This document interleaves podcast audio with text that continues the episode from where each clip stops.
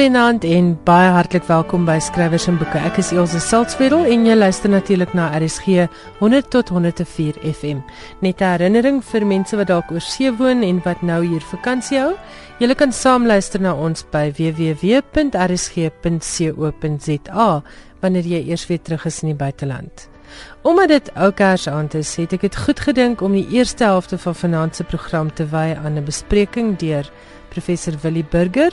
En die tweede helfte gaan ons sommer maar net 'n bietjie luister na hoe mooi Afrikaans is en hoe mooi skrywers soos Pieter Pieterse, Anne Marie van der Walt en Johan Bakkes daarmee omgaan. Daar gaan ook 'n paar stukkies musiek wees deur Connie de Villiers, Janie de Tooy, Lorika Raug en Amanda Strydom. En dit is my geskenk aan julle die luisteraars wat hierdie jaar elke woensdag aand getrou geluister het na skrywers en boeke. Dankie vir die ondersteuning, dankie vir die SMS'e en baie dankie vir die e-posse wat ek ontvang het. Dis 'n groot lekkerte om elke woensdag aand saam met julle te kuier en veral omdat ons kan praat oor Afrikaanse boeke. Ek hoop julle het die jaar geniet. Ek hoop dat julle môre gaan geniet as jy 'n Christen is en Kersdag vier. Ek hoop dit is 'n geseënde dag en vir die res van ons luisteraars, ek wens julle ook 'n geseënde feestyd toe. Professor Willie Burger is weer by ons in die ateljee en vanaand gesels ons oor Corneel Spruitenberg se nuwe roman Esther. Willie, jy sê jy was aangenaam verras deur Esther. Vertel ons bietjie hoekom. Weet jy die boek het my sommer van die begin af geboei. Die storie het my geboei. Die plot is vol interessante wendings. Die taalgebruik is baie boeiend en opvallend. Dit is pretensieus, swaar gelaai met groot woorde en omslagtige formulerings wat baie presies is. En op 'n stadium in die begin het ek gedink nou maar wat gaan hier aan? Weet dit dit is half 'n leesversperring. Maar terselfdertyd is dit verskriklik snaaks. Dit is dit is 'n dalke leesversperring en en ek dink as ek van hierdie sinne hardop lees gaan my studente wonder wat staan hierso. Ehm um, dit lyk nie soos iets wat jy normaalweg sou lees nie. Hoor net 'n sin. Ja. Brigadier Butler is nie naaste by korpulent nie, maar te oordeel na die galming van die lagbui waarmee hy sy trits luisteraars nou tot hilariteit aanvuur, huisves sy skraal figuur tog 'n volumineuse buik. nou, jy sien dis 'n dis 'n mondvol, maar dit is snaaks terselfdertyd.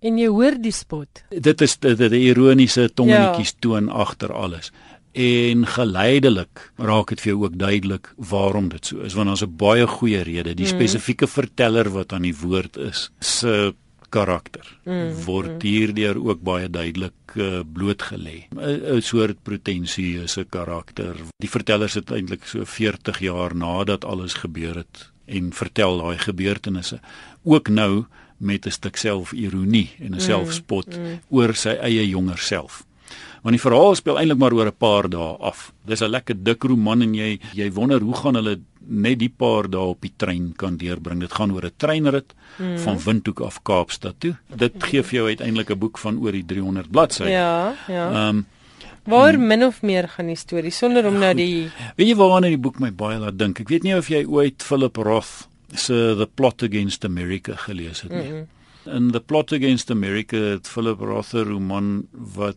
'n soort alternatiewe geskiedenis gebied. Een van daai goed sê nou net dit het gebeur. Hoe sou dit dan nou ja, gelyk het? Ja. En dan het hy 'n verhaal vertel 'n alternatiewe geskiedenis van Amerika. Sê nou net Amerika het nie by die Tweede Wêreldoorlog betrokke geraak nie. Trouens dat die president al die tyd noue bande gehad het met die nasies en nie met hulle in oorlog getrek het nie maar dat die nasie idees daai totale volksinstelling ons die volk en die volksverheerliking het daar pos gevat wat sou geword het van die Jode in Amerika en wat sou mm. van Amerika geword het en hoe sou die hele wêreld gelyk ja, het. So dit is waaroor die die die roman The Plot Against America gaan. Hierdie boek het my iets daaraan laat dink. Mm. Die rede hoekom my mense daaraan laat dink is voor die hand want hier is dit presies wat gebeur het. In 1940 het uh, eh, DF Malan wat toe nog net 'n parlementsraadslid van vir Piketberg was want dit was mm -hmm. nog die tyd wat uh, Smuts se regering nog aan bewind was en die nasionaliste het natuurlik nog 'n minderheid gewees en hulle was maar nog klein en en besig om aan daai hele nasionale gevoel nasio Afrikaner nasionalisme te bou. In Januarie 1940 het 'n Duitse spioen inderdaad kontak gehad met Malan en blykbaar 'n soort aanbod aan hom gemaak dat as die Afrikaners aan bewind kan kom of ten minste die land lyk vir my op 'n manier so onregeerbaar maak sodat hierdie uh, Suid-Afrikaanse regering nie troepe kan stuur oorlog vir die oorlog in mm. Europa nie. Trouwens Engeland se aandag moet aftrek om hier mm. besig te wees. En dan sal die Duitsers uiteindelik die Afrikaner regering in Suid-Afrika erken en na die oorlog wat die Duitsers natuurlik in 1940 nog gemeen het dat hulle gaan wen, sal hulle ook uh, Rhodesia en Botswana en Swaziland inlyf by Suid-Afrika. O, en dis 'n uh, aanloklike en en idee, en nou moet jy ook natuurlik onthou die die 30er 40er jare vreeslik baie Suid-Afrikaners, Afrikaners het gaan studeer in Duitsland. Mm, mm. En daar was nou 'n simpatie, jy weet jy het nog vir Robbie Leibrand en hierdie Ossewa brandwag en al hierdie soort opwelling wat ook aan die volksnasionalisme was mm. van die mm. Afrikaner nasionalisme. Nie so seer omdat dit noodwendig 'n uh, 'n nasie simpatie was nie, dit ook by sommige maar baie keer was dit 'n anti-Engelse, anti-Britse ja, gevoel anti waaruit mense geput het. En maar goed, het, baie van ons het Duitse bloed. So jy voel daar is 'n familieverbintenis, ja, ja. ja. So maar so hierdie was 'n aanbod wat 'n spioen, ene Tira Denk gemaak het. En dit is historiese feite. En dit is en, nou in Kerniel se nou boek. Nou is hierdie boek van Kerniels gebruik daai moment en dan word dit 'n ingewikkelde ja ek wil amper sê komplot maar mm. daar nou nie heeltemal nie. Want die die roman speel aan af in 1946 hierdie ontmoeting van Malan met 'n Duitse spioen het nou aan die lig gekom. En die koerante het daaroor geskryf. Duitsland het nou die oorlog verloor mm. en in 46 en nou word Malan daarvan aangekla dat hy dus eintlik 'n nazi-simpatiseerder was en dit is 'n manier wat dit 'n 'n groot skande op sy naam kan kry en dit sal sy politieke loopbaan kan kelder en dus ook hierdie hele opkomende Afrikaner nasionalisme waarvan hmm. hy die leier is kan hierdeur groot skade kry. So hy word deur die sappe in die parlement aangekla en daar word 'n kommissie van ondersoek aangestel. Maar dis nou alles fiktief. Dis nou die fiktiewe nou deel. Af, ja? Dis nou in 46. Mm. En dan het hy nou sy verklaringe afgelê oor dit is wat hierdie hele ontmoeting behels het en hy het dit nooit opgevolg nie en dit was net dit en dit is wat gesê is. En dan besluit hierdie komitee van die parlement maar hulle moet nou die spioen self kry om te kom getuig. En die hmm. Tira denk woon op 'n plaas aan 'n kant Windhoek. Dan word 'n uh, adjutant-offisier wat die stasiebevelvoerder op Piet Retief is gestuur om haar te gaan haal en twee konstabels saam met hom en hulle moet seker maak dat sy nou met niemand kan praat hmm. die hele pad van daar tot in die Kaap nie dat sy kan getuig en dan teruggevat word want anders te kan hierdie nasionaliste dalk nou invloed op haar uitoefen ja. en haar goeders probeer sê. Hoekom hierdie spesifieke polisieman van Pietretief dit moet doen is natuurlik uh, hy is 'n ou wat Duits magtig is. Sy ma was Duits hmm. en en hierdie vrou kan net Duits praat en dan word hy nou gestuur belas met hierdie taak. Maar dan word daar 'n bietjie 'n dubbele druk op hom gesit aan die een kant. Die polisie mag en sy brigadier wat Engels is en die hele polisie mag Engels 1946 uh, en hy's natuurlik verbonde aan die kroon uiteindelik weet. Mm, um, mm. maar aan die ander kant sê Afrikaner en dan nader vriende van hom wat natuurlik nou nie sy bekende vriende is nie, maar hulle nee. sê dit vriende en dit is 'n span van uh, regsgeleerdes wat ook Malan se saak moet verteenwoordig en hulle sê vir hom hulle wil hê hy moet op hierdie treinrit reël dat hulle man met hierdie spioen kan praat. Hmm. So hier sit jy met 'n lekker klomp intrige. Hmm. Hy sit in 'n in 'n baie moeilike situasie aan die een kant 'n ywerige polisieman.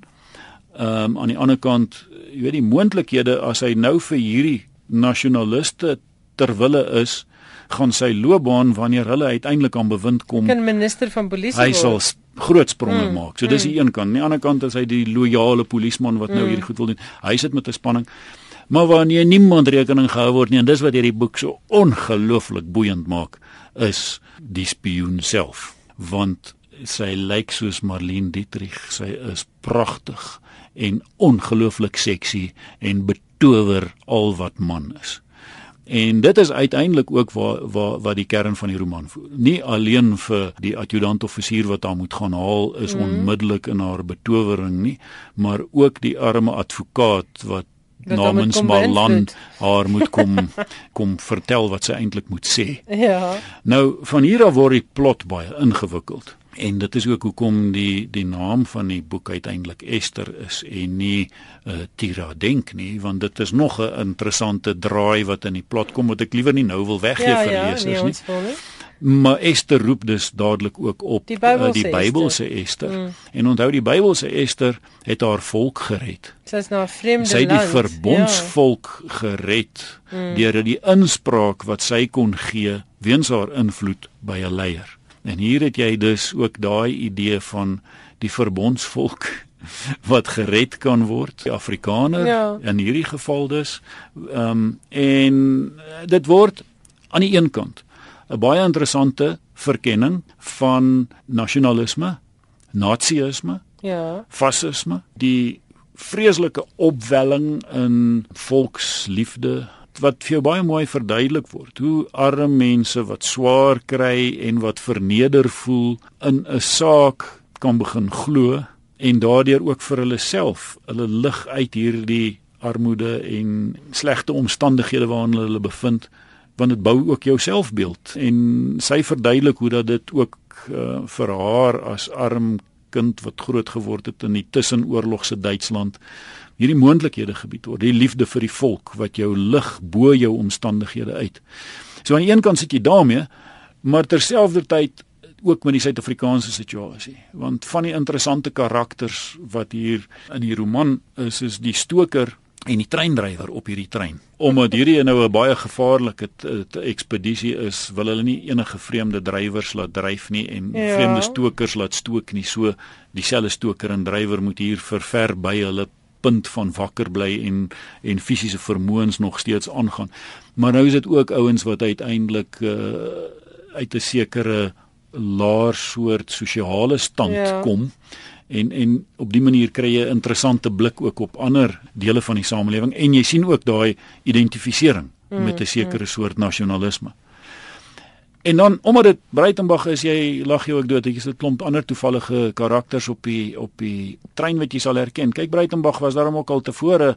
Ek dink aan Glimlag hoe baie hy in daai roman ook geskryf het oor die musiek, nê. Nee? Mm -hmm. En hier het jy bekende musiek uh, kunstenaars van die tyd toevallig op dieselfde trein is Hendrik Susan en sy orkes. En en en ook nog ja die jong Nico Karstens is 'n deel van die orkes.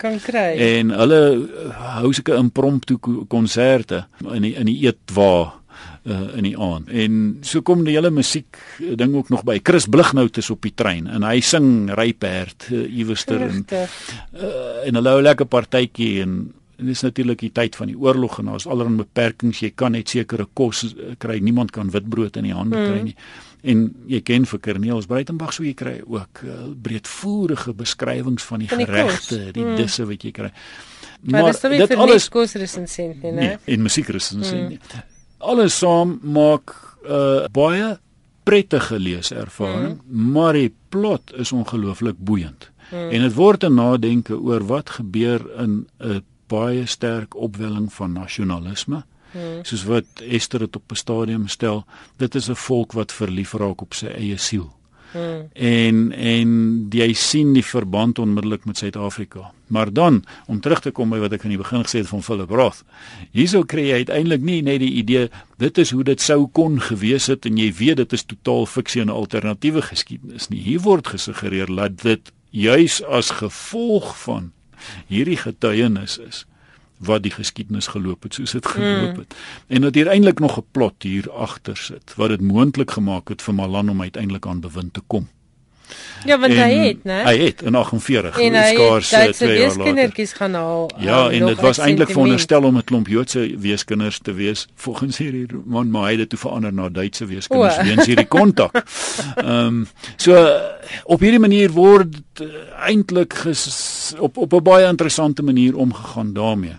Dit is die een ding wat ek dink baie boeiende manier verken word, maar aan die ander kant is die ongelooflike krag van seksuele aangetrokkenheid hmm. van wellus as jy wil en die effek wat dit op individue het op uh, en op rasionele denke mense en op rasionele denke en die invloed wat sulke uh, wat daai goed wat ons dink partykeer is maar persoonlik of wat ook hmm. al uiteindelik op mense se lewens het wat hierdie groter sake uh, uiteindelik bepaal en en beïnvloed op verskeie maniere. Die jong advokaat wat nou moet met haar kennis maak is totaal oorweldig deur haar skoonheid en oorbluf, maar hy kry haar nie en hy bly sy hele lewe lank eintlik na haar soek dit wat hy nie kry nie. Huweliksmislukking op huweliksmislukking want hy moet altyd sy vrou deel met daai vrou wat hy daar iewers vir 2 dae op 'n trein gesien het. Jy weet mm. um, en en op 'n manier word dit 'n baie baie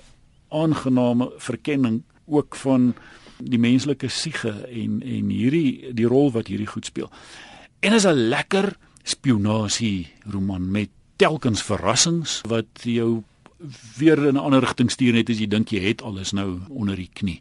Wat Cornelis Breitenberg natuurlik mee goed is. Sy vorige roman was ook 'n eislike mm. misdaad roman, Piknik by Hanklip. Ja, Dis 'n misdaad ja. roman en hy en hy weet hoe om 'n plot te plooi om 'n hmm. soort misdaad geheim misterie uh, voortdurend weer op te wek. En jy lag vir hom, né? Nee.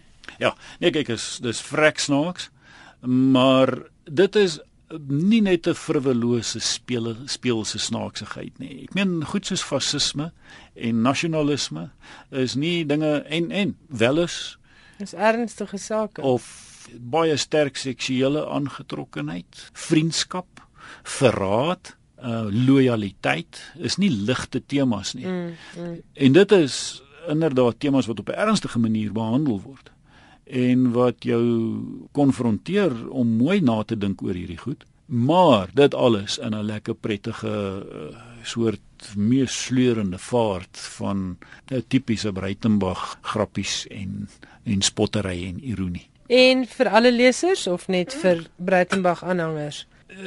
Weet jy ek dink baie baie mense sal hiervan hou. En en die rede is juis dat dit 'n baie sterk plot het, mm. meesleurende plot. Tog stig tot nadenke. Dit mag wees dat party lesers deur die taal 'n bietjie as 'n weerstand sal ervaar, maar maar die beloning om daarmee te worstel is groot. So ek dink dit behoort uh, baie lesers te tevrede te stel. Die man wat so entoesiasties oor Cornelis Breitenberg se boek Esther gesels, is professor Willie Burger van die Universiteit van Pretoria. Hy is die hoof van die departement Afrikaans aan die Universiteit van Pretoria. Esther word uitgegee deur Iman en Resou. Spesiaal vir almal wat al eienaar bouers was, Anne Marie van der Walt se wonderlike skets, die drie letter woord. Kollega Estie Gross lees vir ons voor. Geniet dit. Dit is 'n drie-letter woord wat ydelik gebruik word deur diegene wat dit nog nooit aan eie lyf ervaar het nie en vrees inboesem by die wat het bou. Dit dwing mens tot gebed dat die bitter beker jou tog net moet verbygaan. Dit laat jou jubelend ode skryf aan uitvinders van spykers en sement en dergelike dinge en dit hou jou nederig dankbaar vir iedere dag wat sonder 'n aardskudding in die kleine verloop wat selde is. Die eerste krisis doem op voordat 'n enkele baksteen afgelewer is. Ek drafstap deur die doolhof van munisipale stadsbeplanning en kry eindelik persoonlik die brandweerhoof se ja-woord vir die huisplanne nadat 'n string vensters kleiner gemaak moes word weens 'n potensiële brandgevaar. Op Moedersdag bevind ek my vrou alleen in Vlakfontein se geweste waar ek ses uitgevrete manne moet oplaai wat verklaar hulle weet van bou. Pietra Belago, hoofbouer, se persoonlike bouwerf word klaterend op 'n geleende sleepwa gepak en die topsnelheid terug na Kaapse Hoop is sowat 80 km/h. Die dag toe die fondasie klaar is, vier ons dit teen skemertyd met 'n glasie Sauvignon Blanc. Voortydig blyk dit, want net die volgende dag bel die bouinspekteur en verklaar die huis moet 20 cm wes geskuif word. Ek leer ken die munisipale bouingenieur op sy voornaam en is in die weke daarna kortstondig op sy e-pos graplys. Die klipbouer wat sy slag met die ou ou sandsteen moes wys, verdwyn. Die waglys vir 'n chemiese toilet vir die bouers is 3 maande en van die bestelde staalvensterrame kom na weke niks, want daar is nie staal in die Laagveld nie. Dit word globaal in Gauteng en is nog goedkoper ook, die duurste tollekke in die land ingereken. Piet Bouwer se span verlaat hom met nuwe twee-plaat stofie en al, want is tyd vir die inisiasieskool in Vlakfontein. Die kaggel in die huis word 3 stene te hoog gebou en die braaikaggel op die stoep 4 stene te laag. Iedere inwoner van die dorp ag dit sy goedbedoelde plig om kommentaar te lewer op die bouproses. Die binnekantse pleisterwerk word gevier met 'n bottel tassies. Toe die projekbestuurder begin praat oor bekusting vir die boonste verdieping se betonvloer, is ek gereed om afpop te bel. Piet daag een oggend asfal op en verklaar die plaaslike mense het hom getoer. Die dakkonstruksie blyk meer ingewikkeld te wees as 'n Sudoku en in die ganse land is die kleur chromatic wat ek vir die dak in gedagte gehad het, nie te krye nie. Dit duur 2 weke vir Piet om ongetoer te raak by sy eie huis. Dis 10 uur een nag toe die afleweraars van die dakbalke bel en vra waar is skaap se hoop. Teen half 12 sweer hulle hulle is amper hier. Dis net dat die balke nou al 3 keer van die vragmotor afgeval het. Toe ek hulle om 1 uur in die hande kry, het hulle in die digte mis skoon verby Kaapse Hoop gery en in Ngodwana beland. Die eerste sinkplaat wat op die dak vasgeslaan word, vier ons met 'n enkele bier. Dis al wat ons kan bekostig. En toe ek eendag teenoor Piet kla dat ek nou siek en sat en suur is vir almal wat wil hê ek moet hierheen en daarheen en dit en dat doen, want ek is net een mens en hulle is baie, is sy antwoord: Nou weet jy hoe voel die Here. Dit was Anne Marie van der Walt se skets Die drie letterwoord. Anne Marie is natuurlik bekend as 'n rubriekskrywer by Beeld en hierdie skets het verskyn in haar bundel Talisman teen die troostloosheid wat in 2010 by Milan Media uitgegee is. Estie Gross was die voorleser. Wyle Pieter Pieterse is een van my gunsteling Afrikaanse skrywers, juis omdat hy met 'n humoristiese oog na dinge kon kyk. Skalk Skoombie lees nou vir ons 'n skets wat in Torra Bay aan die verste punt van die Namibiese kus afspeel. Toeriste word slegs gedurende die Desember skoolvakansie toegelaat, sê die toendertydse hoof van die Skedelkuspark toe ons aansoek doen om daar te gaan bly. 'n Regulasie wat tog nie altyd tot die dood toegepas word nie. Besef ons gedurende die 18 maande van ons verblyf op Torra Bay en by die mond van die Uniap rivier. So dan en wan pak daar darm tog mense af, waaronder die liewe oom Gaffie en sy ewe liewe suster tant Mary van Hermanus albei in daardie tyd reeds goed in die 80 bring darm tog vir die wis en die onwis 'n oppasser saam. Ou Kerneels 78 met hulle eerste besoek in die tyd wat ons daar is sien ons dadelik dis nie 'n verkenningstog nie. Niks is daar van 'n onsekere gereiery al tussen die wit gekalkte klippe deur asof hulle nie kan besluit nie. Hulle hou sonder 'n oomblik se huiwering veilig uit die wind uit knus teen die winkel stil Die derde aand kom nooi oom Gaffie ons vir ete. Ons wys die aanbod vriendelik van die hand. Maar toe hy die volgende aand met sy bakbeentjies oor die woestyn aangerol kom en sê hy sal ons wys hoe om 'n galjoen te kook, aanvaar ons. Van gekookte galjoen het ek in my dagtes lewens nog nooit gehoor nie. Die resep gaan toe so goed af dat ons op die laaste aand van hulle verblyf die loeiende suidwester trotseer en weer oorstap na die winkel toe, die een wat eintlik net Desember se winkel is. Die keer vir galjoen in die pan gebak. Twee pale is daar op Torrabai. Die een teen aan die winkel waar 'n natuurbewaring se vlag in die seisoentyd gehang word. Die ander een waar aan die praatradio se ligdraad gehang word, 'n entjie see se kant toe. Buite seisoen word die pale slegs deur die kormorante benut wat naglank op mekaar skel vir 'n beurt om daar te slaap. En om Gaffie se gasbraaipan staan reg onder die gewildste van die twee pale in die windbeskutte hoekie van die vierkant teen die winkel waar hulle twee tentjies ook opgeslaan is.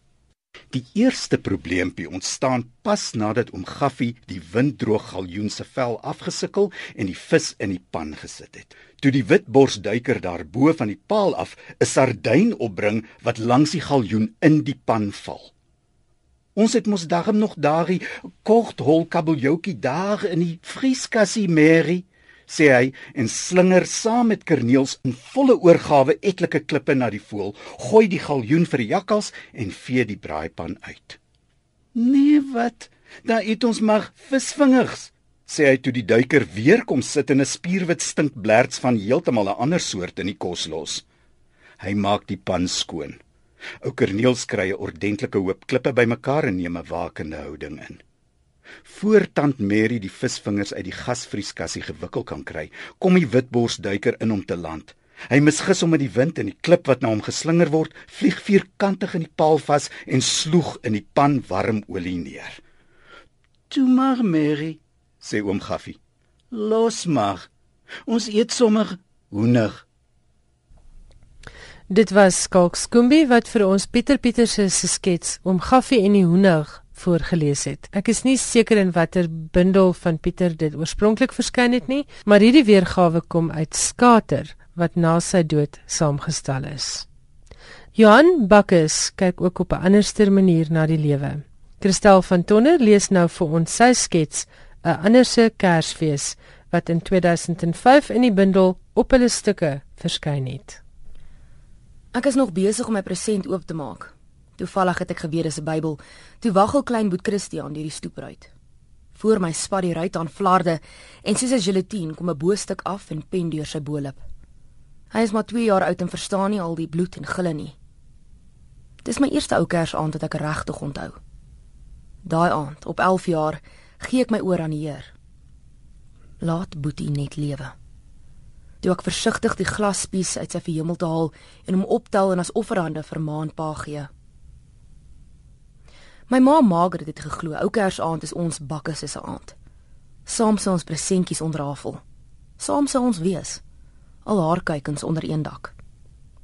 Maar sy het nie reken gehou met wat sy gemaak het nie, want aartappels het sy nie geplant en ook nie groot gemaak nie. Elkeen van ons, Marius, Christian, Matilda en ek, het 'n wegneek en 'n eiegheid gehad. Oukers aand 1982 bevind ek my op Oshakati sektor 10 Wambuland. Ek en 'n paar makkers het pas 'n hoender of 3 van 'n naburige stad ontset. Die logistieke manne van die groot maakpakhuis het 'n botteltjie of twee lawaai water bevry. Vanaand vier ons Kersfees. Die troepe in die torings van Alfa Kompanie is loerend op die uitkyk en sal die vyand stuit. Op die vuur verkoel die hoender as offerande aan Thor toe ons die buffels bestyg. Vir die soldate op Oshivelo is ou Kersaand brandend aan die gang. 61 meganiese brigade is onder vuur en ek soek ondersteuning. Vir Swapo is dit nie 'n stille nag nie. Ek onthou die wildheid in my makker se oë. Wat 'n Kersgeskenk om te bly lewe. Ons druk flenterpapiertjies, wit gekleur, aan die dorings van die akasia boom met sy takke gekruisig uitgesprei oor die Kwandu vloedvlaktes. Dis ons Kersboom vir vanaand. Die rustigheid van die Weskaap Rivier kom maak nes in ons harte. Die olifantrop is salig onbewus van ons kampplek. Neuk reguit rivier toe en pyl reg op ons af. Dis 'n stewige trop, so 'n stuk of 200. Die matriarg se slurp stewend soos 'n antenna. Ek onthou Potty se saggiese ons moenie met die koning lol nie. En toe draai die wind en hulle is op ons en hulle storm en trompeter en ons skree en kapotte en deksels en weet sou ons nou hardloop is al verby. En ons bly staan. En hulle swaai weg. Daai aand kry ek toe 'n handdruk vir Kersfees. Toe gedraai in vriendskap. 'n Wit Kersfees. Dis bitterkoud in hierdie geweste heel jaar. Iewers teen die hange van Noemboer 'n heilige berg vir die Sherpa van die Himalajas. Ons lê in. Eindelik sneeu ons vas. Hier is nie uitkoms nie. Verseker nie vanaand nie. Ek en Kali lê stompkant skerpkant in die twee man tent wat knak onder die sneeu. As die heup ingee dan sê ons draai en dan draai ons en lê andersom. Skerpkant, stompkant. Boeta, Weet jy dis ou Kersaand? Vra ek en hy trek sy handskoene uit en met nerve af bevrore vingers en maak hy klappertand vir ons gord op die primus. Die lekkerste Kersmaal nog. Dit gaan 'n droë Kersfees wees. Besef ek toe die kaptein van die Mauritaniese weermag ons busy stop en aftrek. Dis nou letterlik en figuurlik, want hier in die Islamitiese Republiek van Mauritanië is alkohol taboe. Ons klim uit in die waaiende Sahara sand filter deur ons woestyn koptoisels. Your cholera injection has lapsed. Sê die man toe hy ons papiere deurkyk. En ek weet hy mik vir omkoopgeld want cholera inenting is nêrens meer 'n voorvereiste nie. Onderhand druk ek lappe note in sy hand. Dis nie enigiemand wat sy vryheid op ou kers aan kan koop nie. En toe? Soos die lewe sy loop loop en dit wat avontuurlik en anders was, saai geword het en jou mense wat weg was terug is, roep jy die span bymekaar. Vanaand, ou kersaand, soos my ma ons geleer het, is dit net ons. En Nana maak 'n boutgaar en my seun maak bak die vuur en Kara, my meisiekind sing. En Maria verduidelik weer aan Josef hoekom hulle in hierdie stal moet oorslaap en daar kom manne met sulke lekker ryk goede en snuifterye aan en selfs die volk los hul skape daar iewers in die Ceres bo Karoo en die Rodes wil moer. En jy sit behaaglik terug en dink. Wat 'n ander se Kersfees. Die loop maak hierdie stoepruit. Dit was Johan Bakkes se ander se Kersfees voorgeles deur Kristal van Tonder. Die skets het oorspronklik in Rooi Rose verskyn en is later opgeneem in die bundel Op hulle stukke wat in 2005 by Iman en Resou verskyn het.